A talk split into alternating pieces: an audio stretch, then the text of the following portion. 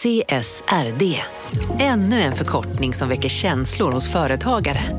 Men lugn, våra rådgivare här på PWC har koll på det som din verksamhet berörs av. Från hållbarhetslösningar och nya regelverk till affärsutveckling och ansvarsfulla AI-strategier. Välkommen till PWC. Välkomna sommaren med att... Res med Stena Line i sommar och gör det mesta av din semester. Ta bilen till Danmark, Tyskland, Lettland, Polen och resten av Europa. Se alla våra destinationer och boka nu på stenaline.se. Välkommen ombord!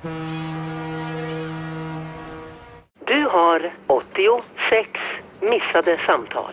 Senaste samtalet togs emot... Att missa typ tusen kundsamtal, det är inte Telia. Att ha en molnbaserad växel som löser allt, det är Telia. Upptäck Smart Connect som gör ditt företagande enklare. Läs mer på telia.se företag. Från Monopol Media, det här är Kapitalet. Jag heter Gunnar Harjus. Och jag heter Rosa Secker. I det här jobbet får man göra nästan vad som helst. Men det finns ett reportage som liksom inte riktigt kan eh, göra. Jag skulle vilja åka till Omaha, Nebraska. Eh, vad finns i Omaha, Nebraska förutom Connor Oberts barndomshem? Inte svinmycket förutom det. Det finns typ ett zoo där. Men det finns en, en grej som händer i Omaha. Eh, där hålls varje år bolagsstämman för Warren Buffetts företag Berkshire Hathaway. Eh, den vill du gå på? Ja, alltså det är liksom inte riktigt som en klassisk bolagsstämma utan så här, alla som har aktier i det här företaget kommer typ på den här stämman. Och de liksom vallfärdar till Omaha.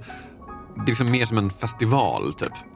Ja, för bolagsstämma i sig självt låter inte svin kul. Nej. Festival i Omaha, Nebraska. Ja, absolut. Ja. Den vill du gå på, det förstår jag. Absolut. Det är ändå liksom ett intressant eh, fenomen. Jag tror liksom det drar till sig ganska mycket intressanta personer. Men eh, du får göra nästan vad du vill i det här jobbet, så köp en aktie då i Berkshire Hathaway och eh, ta med bandaren och dra till Omaha. Mm. Det finns bara ett litet hinder. Vad är det? En aktie i Berkshire Hathaway kostar 337 421 dollar. Du menar tre miljoner kronor? Eh, Det är världens eh, dyraste aktie och det finns inte så många av den. Eh, Däremot om någon lyssnare vill ge mig 3 miljoner kronor eller en aktie så, ehm, så är jag intresserad av att åka dit faktiskt. Förutom att man ju då skryter med det faktum att man har råd att köpa den här aktien genom att åka dit. Alltså vad är det mer som lockar? Vad, vad, vad består festivalen av så att säga? Mm. Huvudattraktionen är då när Warren Buffett själv håller sitt så här, årliga tal. Eh, eh, han berättar då såklart om, om företaget och om framtidsutsikter, sådana saker som man, man gör. 2018 så berättar han också om en annan grej. Ett vad han gjorde 2007. I promised some years ago I made a wager and I promised to report before the lunch how the wager was coming out. Vadet eh, var Buffett mot en hedgefondkille som heter Ted Sidis eh, på Protege Partners. Och Ted Sidis fick välja fem stycken hedgefonder, eh, de han då, alltså en expert, eh, trodde skulle avkasta mest efter avgifter. Och Buffett han valde S&P 500, en indexfond. And I would bet that over a 10 year period that the unmanaged index would beat these five funds that were that were managed by people who were charging incredible sums to people because of their supposed expertise. Okej, så bettet är alltså indexfond versus hedgefonder, tio år. Vad avkastar mest? Hur mycket bettar de? En miljon dollar. Egentligen är det typ en halv miljon dollar var. eh, som- Skrytmånsar. Jag vet, ja, verkligen. De investerar de här pengarna i Berkshire Hathaway och sen när bettet är slut så är de här aktierna värda typ två miljoner dollar. Så att men egentligen är bettet en miljon dollar. Eh, Och den som vann fick då skänka pengarna till välgörenhet. Fick eller var tvungen? Han var tvungen antar jag. Okej. Det var en del av bettet. Det här är bara ett jävla skryt. De, de vann inte ens pengarna. Nej. Så varför gjorde de det? Alltså vi ska komma ihåg att en miljon dollar är 0,001 procent av Warren Buffetts förmögenhet. Alltså, det, det är ingenting för honom. Så det var ju då inte pengarna det handlade om, utan det var eh, principen. Men också chansen att en gång för alla avgöra en fråga och därmed avsluta en väldigt långt pågående debatt. Vad är bäst? Indexfonder eller aktivt förvaltade fonder? Är det avgjort? Det är avgjort. Bettet tog slut årsskiftet 17-18. Så nu vet vi en gång för alla vad som är bäst. Mm, alltså, vi vet vem som vann bettet. Men det har inte riktigt fått den effekten som Buffett och Ted Seides hoppades på. Istället så har debatten mellan aktivt förvaltade fonder och indexfonder fortsatt.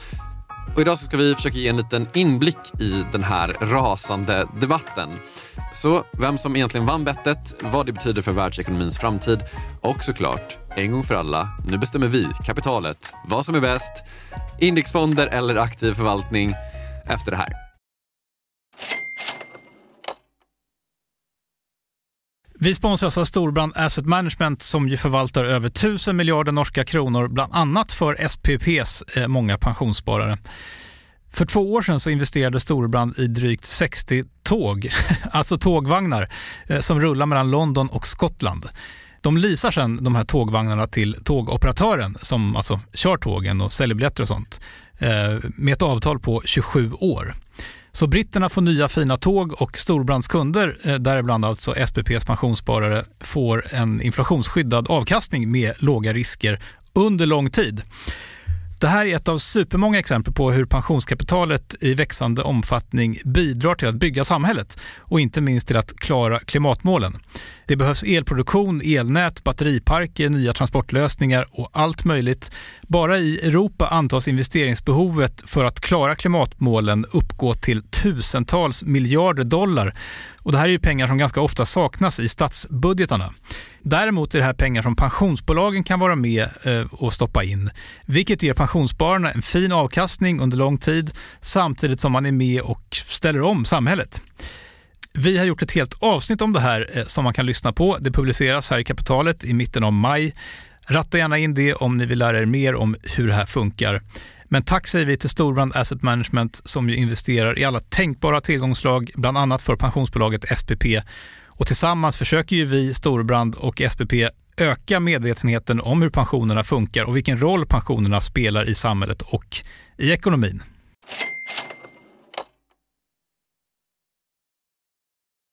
Aktiv förvaltning versus indexfond.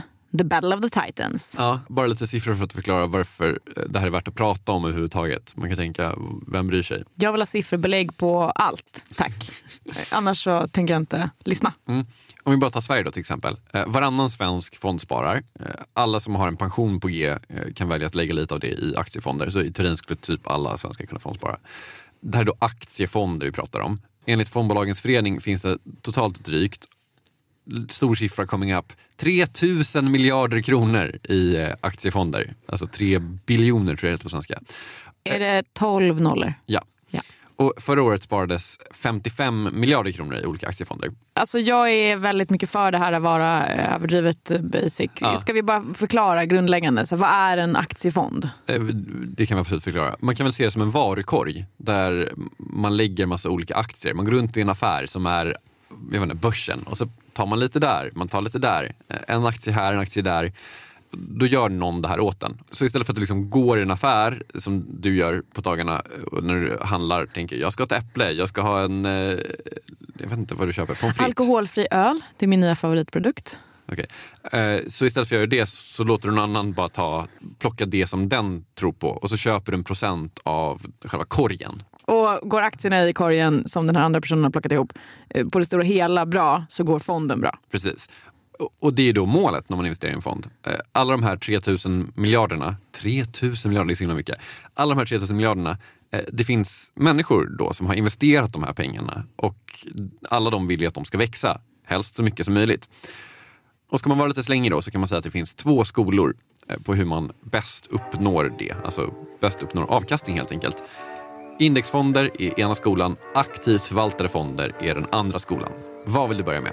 Jag vill börja med de aktivt förvaltade fonderna. Eller hur? Låter roligare. Aktiv förvaltning det är att investera efter eget huvud. Att verkligen strunta i hur marknaden ser ut. Titta på bolagen som finns där ute. Investera i det som du tror har bäst potential. Eh, vem är det här? Erik Sprängkorn, förvaltare, eh, grundare till ett litet nystartat bolag som heter TIN Fonder och förvaltar sedan ett år tillbaka en fond som heter Core Ny Teknik tillsammans med min kollega Karl Armfelt. Och bara så vi är väldigt tydliga här. Det du håller på med, det är aktiv förvaltning. Eh, Det är korrekt. Så, så i den här liksom, tävlingen mellan aktiv förvaltning och indexfonder så är Erik Springhorn team aktiv förvaltning. Väldigt mycket så. Så aktiv förvaltning, det är då att personer som Erik väljer de bolag som de tror har störst potential att växa, att ge avkastning. att gå bäst helt enkelt. Och när Erik har eh, pekat ut de här menar, 10 bolagen, 20 bolagen, 100 bolagen eh, så köper de aktier i det och stoppar in det i sin korg, alltså sin fond. Och när de inte längre tror på en aktie eller tror att Åh, den är bra men den toppar här eller whatever, då säljer de av den och så köper de någon annan och sen så är fonden värd jättemycket och allra helst så går den som en raket uppåt för att man har valt så bra aktier. Du fattar? Jag fattar. Eh, Varför tycker han att det här är så bra? Är det för att han har så hög tilltro till sin egen förmåga? Men lite så. Alltså, till att börja med så har han hållit på med det här själv i hela sitt liv och det har gått väldigt bra. Det som gjorts sista året kombinerat med en väldigt liknande fond då, eh, på Swedbank de sista tio åren. Det var den bästa fonden som gick att köpa på Morningstar av alla 35 000 fonder som fanns på Morningstar. Eh, bäst. det, alltså, jag hatar att prata om, om så här, om, men det, det är datan. Eh, han är bäst. Hans fond var bäst i alla fall. Eh, Morningstar kan vi säga är en sån här tjänst som jämför olika fonder eh, och sätter betyg utifrån hur bra den har presterat historiskt. Aktiv förvaltning, alltså en person väljer ett gäng aktier, man får köpa in sig i det. Vi har ett starkt öppningscase här från Erik. Eh, han är bäst. Vad är en indexfond då? Eh, En indexfond, ja, men det, det är en fond som eh, försöker härma ett index. Okej, för enkelhetens skull ska vi säga att de vanligaste indexfonderna de brukar spegla marknaden i stort. Alltså så att någon bestämmer Eh, någon hittar på ett index. Typ, det kan vara så här, eh, ja, men, hej jag har en bank som heter Avanza och så kommer jag på att jag vill ha en, eh, ett index som ska återspegla de hundra största bolagen på Stockholmsbörsen. Det tycker jag verkar vara ett, ett bra index. Och då så eh, köper man lite grann i alla de hundra största bolagen på Stockholmsbörsen och sen så liksom viktar man det. Så säg att H&M värdet på H&M utgör 5% av de här 100 största bolagen. Då ska värdet i fonden vara ungefär 5% H&M. Och sen så visst, det finns liksom personer som är och förvaltar lite grann men det mesta görs typ av algoritmer. Alltså det är, ja, typ så. Det är någon som sätter ramarna men sen sköter det sig självt. Precis. Eh, perfekt, alla är med. Eh, vem var det vi hörde nyss förresten? Eh, Det var eh, Patrik eh, Sigban eh, som är medgrundare av Småspararguiden som är en oberoende rådgivare kring sparande och pension. Jag tänker helt fräckt gissa att han står i den andra ringhörnan, alltså att han är förespråkare för indexfonder. För du är en, du är en indexfondförespråkare. Eh, Ja, absolut. Ja, och vad är caset för indexfonder? Det är billigt. Så på ena sidan så har vi fonder som har valts av personer som Erik och som, ja, i alla fall när Erik har valt dem, varit bäst. Mm. Eh, På andra sidan så har vi fonder som i princip valt sig själva, kan man säga. Och som enligt Patrik då är eh, billiga. Ja. Eh, rafflande frågetecken? Eh, inte än kanske. Eh, men jag tror kanske vi behöver få ännu lite mer siffror här för att förstå vad som står på spel eh, här. Eller kanske för att förstå vad som håller på att hända egentligen. Yes! Av de här 3000 miljarderna som finns i aktiefonder så är 5,5 miljard i indexfonder, 18 procent. Mycket mer är i aktivt förvaltade fonder alltså. Ja, men av de här 54,5 miljarderna som investerades 2018s 11 första månader. Alltså, man räknar inte med december för där kommer pensionsavsättningar. Skit i det. Av de 54,5 miljarderna som investerades 2018s 11 första månader så var 53,8 miljarder i indexfonder. Alltså 98,8 procent av de nya pengarna som kommer in kommer till indexfonder. Så det som håller på att hända på den här marknaden, som alltså har dominerats fullständigt av aktivt förvaltade eh, fonder tidigare. Det som händer nu är att de svämmas över av indexfondpengar. Och Erik Sprinkorn, som då är den aktiva förvaltaren, han tycker att det här är sjukt. För indexfonder, det makar ingen sens för honom. Varför ska du investera mest i det som är mest övervärderat? För så blir det ju. Om du har två bolag, A och B, och A råkar eh, vara bättre på att sälja sin story till folk och, och ha en dubbla värdering mot B, då, då köper indexfonden mycket mer av A trots att det är identiska verksamheter. Och det är på något sätt, ja det är ju rent intellektuellt vidrigt då för nå- någon som letar efter attraktiva möjligheter att investera i. Så kritik 1 mot indexfonder, det är intellektuellt vidrigt. Ja, ja det, det är väl en bra början på något sätt. Okej, bara så att jag och alla andra är med här. Det han menar är att en algoritm, som ju indexfonder ofta bygger på, kan inte ta hänsyn till saker som Erik menar att han kan se. Typ om ett bolag är övervärderat. Ja. Vad säger Patrik då? Är det intellektuellt vidrigt med indexfonder? Jo, men det, det ligger något eh, i det. Vilken vändning! Ja. Det trodde man inte. Att det vidriga i det hela är ju så att om alla bara körde indexfonder så skulle ju ingen aktivt försöka bedöma om en aktie är värd sitt pris eller inte. Så det, om det bara är en massa dumma algoritmer som springer runt här och köper det för att härma ett index, det blir ju det blir, en, det blir en soppa av alltihopa. Det, det, inget skulle ju funka. Eh, och argumentet eh, där är ju så att vi är ju inte i närheten av att vara i den situationen. Du minns det här med att de flesta av alla pengar på marknaden är aktivt förvaltare. Så det mesta av börsen bestäms ändå av personer som gör värderingar? Och indexet liksom hänger med? eh, index är billigt och det hänger med. Är det caset för indexfonder? Ja, alltså caset för indexfonder, eh, från de som då gör ett case för indexfonder, det är att indexfonder avkastar mer. Indexfonder är bättre. Ja, det finns ju väldigt många olika studier men de allra flesta pekar på att eh, de här aktivt förvaltade fonderna underpresterar mot sitt index först och främst. Och det finns många olika studier som säger olika saker men olika grad av hur, hur illa det är. Är det här sant? Alltså I princip all forskning jag har hittat visar samma sak. Över tid underpresterar aktivt förvaltade fonder index. Med hur mycket? Det beror på hur långa tidsperioder man tittar på. Men i princip... Ju längre du drar ut tidshorisonten, ju svårare blir det för dem. Och de i det här fallet är då alltså de aktiva förvaltarna. 2016 eh, släppte till exempel Finansinspektionen en rapport eh, där de tittade på de 25 största aktivt förvaltade fonderna. Fyra slog index. Eh, det, bara liksom så här, brasklapp coming up här nu. För att det här är en lite så infekterad debatt. Jag vill bara påpeka att vi kanske inte direkt hejar på något lag här. Eller hejar du på ett lag? Nej, alltså tills jag har skapat min egen indexfond som ska heta Åsafonden så hejar jag inte på någon. Nej, okej okay, jag fattar. Jag vill också säga att vi är noll procent rådgivare här. Ingen har gett färre råd än du och jag. Nej, men ska man summera det allmänna forskningsläget så är det så att indexfonder generellt överpresterar aktiv förvaltning. Jag kan till exempel citera Fondspararnas förening, som ju då är fondbolagens branschförening. Eh, de skriver i en rapport att argumenten för indexförvaltning bygger till stor del på den forskning som visar att aktiva förvaltare i genomsnitt och på lång sikt inte kan prestera bättre än marknaden. Eh, förlåt, men eh, hur är det möjligt? Om indexfonderna är marknaden, för det är de ju. Mm. Hur kan inte aktiva förvaltare vara åtminstone lika bra som marknaden? Ja, det är en jättebra fråga. Alltså, det man brukar peka på som anledning till att de aktivt förvaltade fonderna inte presterar lika bra, det är att de tar mycket högre avgifter än indexfonderna.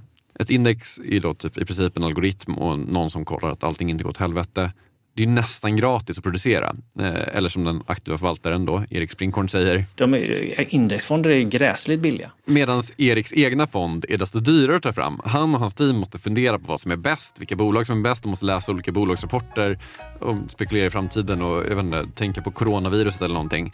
Sånt kostar. Och om alla aktiva fonder är dyrare än indexfonder så blir snittet på de aktiva förvaltarna sämre. Okej, men då säger jag så här. Eh, skärp dig. Välj inte de dåliga aktiva förvaltarna. Välj de bra och så slår du index. Det är ditt råd till alla lyssnare? Eh, nej, jag ger aldrig råd till någon nej. om något. Men det är en otrolig idé, skulle jag säga, eh, du har där. Att man inte ska välja de dåliga aktiva förvaltarna, utan du ska välja de bra. Våga välja bra grejer i livet. Mm. Det är då en idé som inte bara du haft, utan också som hedgefondförvaltaren Ted Seides hade och som nog alla som någon gång har valt en aktivt förvaltad fond har haft. Den här idén alltså. Försöker du säga att jag är ooriginell? Jag vill bara säga, jag vill bara säga att ganska många innan dig har tänkt att jag ska välja de bra förvaltarna. Jag ska hitta de som slår index. Varför det kanske inte går och vad det gör med marknaden efter det här. Kapitalet sponsras av Master Exchange, plattformen där du som privatperson kan investera i låtar och får pengar varje gång de här låtarna spelas. Eh, vi berättade ju senast eh, om barnlåten Puff the Magic Dragon som noterades av Master Exchange under våren. Nu har utdelningen på den låten kommit, eller royaltyn som vi säger i musikbranschen. Eh, den ligger på drygt 12% i årstakt och det här är ju en avkastning som är helt okorrelerad till eh, börsen. Till och med Goldman Sachs har börjat skriva om just musik som investering eh, just ur det här perspektivet. Nu finns en möjlighet att investera i en ny låt. Eh, låten heter Boss Bitch och den är av Doja Cat Eh, som, eh, alltså jag ska inte säga att jag är superdeep här men eh, det är ändå en, en person som jag vet om det är. En, en världskändis. Den här låten gav baserad på förra årets spelningar en avkastning på drygt 13 Master Exchange har just nu en väntelista på registreringar. Det, det går lite för bra för dem kan man säga. Men skriver ni in kapitalet som promo code så kan ni runda kön och ansöka om andelar i låten Boss Bitch ändå. Om ni investerar helt vanliga pengar, det är inget krypto eller sånt där, så vill du investera i musik och få en avkastning som är helt okorrelerad med börsen och kanske inte minst för att det är kul att äga låtar, eh, så kan man gå in på masterexchange.com och använda kapitalet som promo code så går man alltså förbi kön. Kom ihåg dock att alla investeringar är förenade med risk, men vi säger stort, stort tack till Master Exchange. Kapitalet sponsras av Karla, Jakob. Ja, bilar igen. Ja, det är härligt. På Karla kan man sälja sin elbil eh, på det gissningsvis smidigaste sättet i Sverige. Eh, Karla har ju ett nästan ett komiskt högt användarbetyg på Trustpilot. Mm. 4,8 av 5, vilket jag typ aldrig hört talas om. Nej, det är väldigt, väldigt högt. Eh, Man knappar in lite info om bilen på sidan, sen får man en gratis värdering och ett bud. Accepterar du budet kommer Karla och hämtar upp bilen gratis och sätter in pengarna innan de kör iväg. Inget mer än så. Rätt fantastiskt. Nej, det är faktiskt Ja. helt otroligt. Och eh, det kan bli ännu mer eh, otroligt än så. eh, För att vi har nämligen en rabattkod som ger dig 2000 kronor extra för bilen. Så om du säljer din bil så får du två lax extra. Stämmer. Bara sådär. Eh, koden är Monopol och eh, den uppger du när du har värderat bilen och eh, pratat med Karlas inköpare. Koden är giltig till sista maj så att eh, passa på om du går i säljartankar. Jag undrar om vi haft en kod som har gett två lax bara sådär någon gång. Nej. Det är helt otroligt. Man behöver en bil förvisso. Absolut, så det är inte, kanske inte bara sådär, men det är ändå 2000 kronor extra. Väldigt bra. Ja. Så sälj din elbil eller laddhybrid till Karla. Du får 2000 kronor extra med rabattkoden Monopol. Eh, hoppa in och kolla på karla.se, Karla Museet. Där kan man också köpa bilar ska jag tillägga. Verkligen. Vi säger stort tack till Karla. Summering, är det något vi eh, drömmer om? Ja. Eh, det pågår en ständig konflikt mellan aktiv förvaltning och indexfonder. Aktivt förvaltade fonder har de mesta av alla pengarna just nu. Men de flesta nya kronorna som tillkommer hamnar i indexfonder. Mm. Anledningen till det kan man tänka sig är att index har överpresterat de aktiva förvaltarnas snitt. Det är en tänkbar förklaring. Och eh, nästa naturliga fråga blir ju då varför är det så här? Det tycker jag är en naturlig fråga. En som ställer sig den frågan är ju då Erik Sprinkorn, som ju då är aktiv förvaltare. Eh, Han säger, säkert helt korrekt, att fondförvaltare väljs i väldigt hård konkurrens. Det är ganska svårt att få ett sånt här fett jobb och de är välutbildade och hårt arbetande personer som säkert också vill tjäna så mycket som möjligt åt fonden. Tycker jag låter superrimligt liksom. Så hur kan inte fler vara bättre? Vad är svaret? Ja, nu rör vi oss då in på spekulationer. Men en sak som Erik Sprinkorn menar är problemet med aktiv förvaltning, det är att index överhuvudtaget finns. Om man ska göra skillnad, eh, som han kallar det, så måste man strunta i index. Du ska inte, det blir ett slags jämförelsens tyranni. För ser du vad som finns i index och så jämför du det med din portfölj och då blir man nervös över det man inte äger till exempel. Det finns massa mentala fällor man kan gå i. Så det, om man kan lyfta sig i håret och helt strunta i jämförelsen, det är först då man kan göra något verkligt enastående. Men att strunta i index är sjukt svårt. Varför då? För att index är ju index. Alltså index är ju jämförelsen. Det är gjort för att man ska jämföra sig med. Att inte jämföra sig med någonting som det är gjort för att jämföra sig med är svårt. Alla, alla kommer in då i, i- med ambitionen att, att hitta de, säg de 25 eller 30 bästa bolagen i världen. Boom! Så, och sen i steg två så ser man då hur index ser ut. Och så, oj då, de där två tunga indexpositionerna, det blir jättestor risk för mig. Och så börjar man kanske, jag kan ta lite grann i dem, så sänker man sin ambitionsnivå plötsligt. Och då går det till slut inte att göra så himla mycket bättre än index. Då kanske man, har, eh, man jobbar i en organisation där det finns en, en, en, en chef, en mellanchef eller någon annan avdelning eller en högre chef som säger åh, du har gått dåligt sista halvåret. Vad beror det på? Och börjar ifrågasätta dig. Då, blir det, då blir det dubbla demoner. Så det finns en hel del organisationsteori i det här också. Att, att hur väl en aktiv förvaltare kan lyckas beror, tror jag, mycket på vilken, vilken miljö han eller hon verk, verkar i. Eh, summa summarum, eftersom att indexfonderna finns och man eh, kommer att jämföras med dem hela tiden så blir man liksom lockad av att ha lite samma bolag som indexfonderna. för att minska risken. Det är teorin. Och sen underpresterar man och så börjar en chef sura och så blir man skakig. Ja, det är ju då en förklaring till varför man inte överpresterar index efter avgifter. Okej, men säg att det är så då. Mm. Alltså det här är förklaringen. Ja. Så att om fondförvaltarna inte skulle jämföra sig med index och de har inte någon så här sur mellanchef som kommer och klagar om man underpresterar ett halvår Ja. så skulle de prestera superbra. Ja. Men det är ju ändå så att index finns. Ja. eh, och eh, mellanchefer som klagar finns. Ja. Eh, ska man då inte så här, jag vet inte, utgå från verkligheten och säga att det här är saker som gör att det blir svårt för aktiva förvaltare att prestera riktigt bra? Precis, att så länge de, de här sakerna finns så är det kanske en sak som påverkar aktiv förvaltningsprestation. Och det vore dumt att tänka sig att man lever i en utopi, är det jag försöker säga? Ja, men mellanchefer och index finns. Så att låtsas inte som att de inte finns, utan bara deal with it. Erik Sprinkorn menar dock att det finns chanser för aktiva förvaltare att göra någonting bra eh, om man faktiskt kan frigöra sig från allt det här.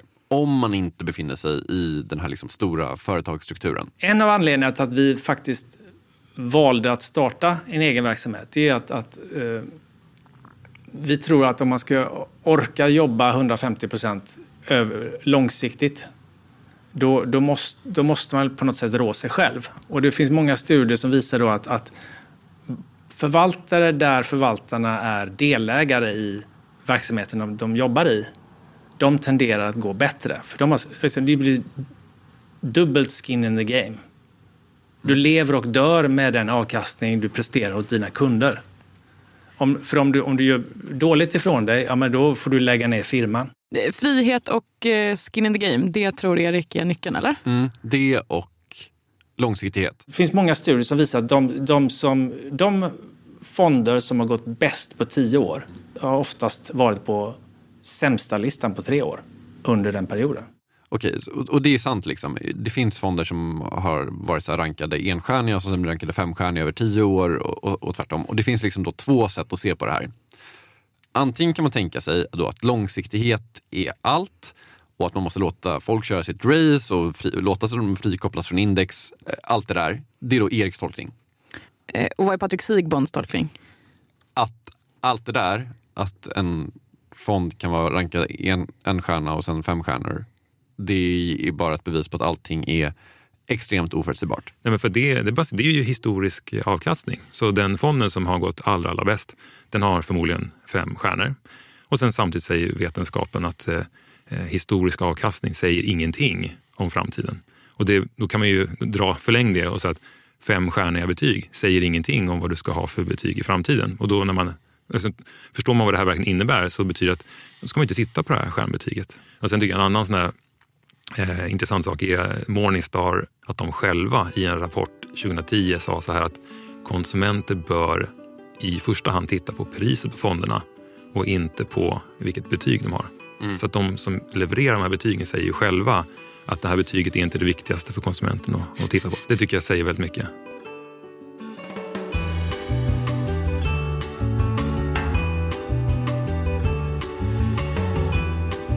Vi kan väl också säga att det finns en annan diskussion när man då ska jämföra aktiv förvaltning och indexfonder. Eh, det är lite ett annat spår, men vi vi kan väl avsluta med det. De aktiva förvaltarna brukar lyfta fram eh, en sak och det är att om indexfonderna nu tar över, vilket ansvar har egentligen de här fonderna och vilket ansvar tar de här olika fonderna? Eh, indexfonder bryr sig då egentligen inte om vilket bolag som är med i index, för de är ju bara index, liksom. det är bara ner i korgen. Så de sitter inte i olika så här valberedningar och inte aktiva i styrningen av bolag, menar de aktiva förvaltarna. Det är svårt att se en indexfond söka upp, ta ett möte med ledningen för ett bolag, prata om jobbiga hållbarhetsfrågor och ställa krav på att de gör saker annorlunda. Ja, men det, det stämmer absolut. Alltså, tittar man på hur de här stora indexfonderna beter sig så, så är, är de inte alls lika engagerade och aktiva i, i de här eh, bolagsstyrningsfrågorna. Så det, det, är en, det är en klar nackdel. Eh, men det är väldigt svårt att eh, kvantifiera. Om man tittar på de som idag har aktivt förvaltade fonder så är det inte så att man väljer en aktivt förvaltad fond för att man tycker att det här fondbolaget är så himla duktigt på att företräda mig på de här bolagsstämmorna. Men, men, eh, så det, det så här, om man tar konsumentperspektivet så är det ju väldigt svårt att väga in den parametern i sitt fondval. Men jag, men jag tycker att det, det finns absolut, det ligger någonting i, i, i det resonemanget. Så indexfonderna är lite slappa? Mm, slappa men billiga, tror jag. Gräsligt billiga om man frågar Erik Sprinchorn. Okej, ja, man, får välja, man får välja sida i den striden Mm. och var och en får välja vilket, vilken sida de vill. Eh, hur gick det då i det här, eh, hur gick det i det här bettet? Indexfonder versus hedgefonder, alltså 10 år 2007 till 2017. Warren Buffett mot, vad hette han, den andra killen? Ted Seides. Just ja. Eh, vem vann? Eh, började jätte, jättestarkt. Eller mindre svagt kanske man ska säga. 2008 så kraschade ju marknaden eh, och Buffett tappade 37 procent medan eh, tappade bara institutionstecken 23 procent. Sen så vände det och när man räknade ihop allting 2017 så hade hedgefonderna stigit 22 procent och Buffett hade stigit 85 procent. Den bästa av hedgefonderna hade stigit 65 procent så att ingen slog Buffetts index. Eh, ja, man blir glad för Buffetts skull. Jag vet inte vad jag ska säga. Så att, ja, var det pengar som han behövde? Nej, han gav ju också bort dem så det är alltid något. Ja. Eh, bra jobbat eh, Warren. Och med det sagt så är kapitalet slut för idag. Mm, vi som gjort det här programmet heter Åsa Secker och Gunnar Harjus. Kristoffer Krook har slutmixat det här. Glöm inte att ni kan vinna en jättefin Kapitalet-tröja. Eh, det gör man genom att tipsa om oss på Instagram och använda hashtag kapitalet eller typ jag screenshotta och skicka ett DM till oss. Eller, ja, det där löser ni. Vi är tillbaka igen om en vecka. Vi hörs då.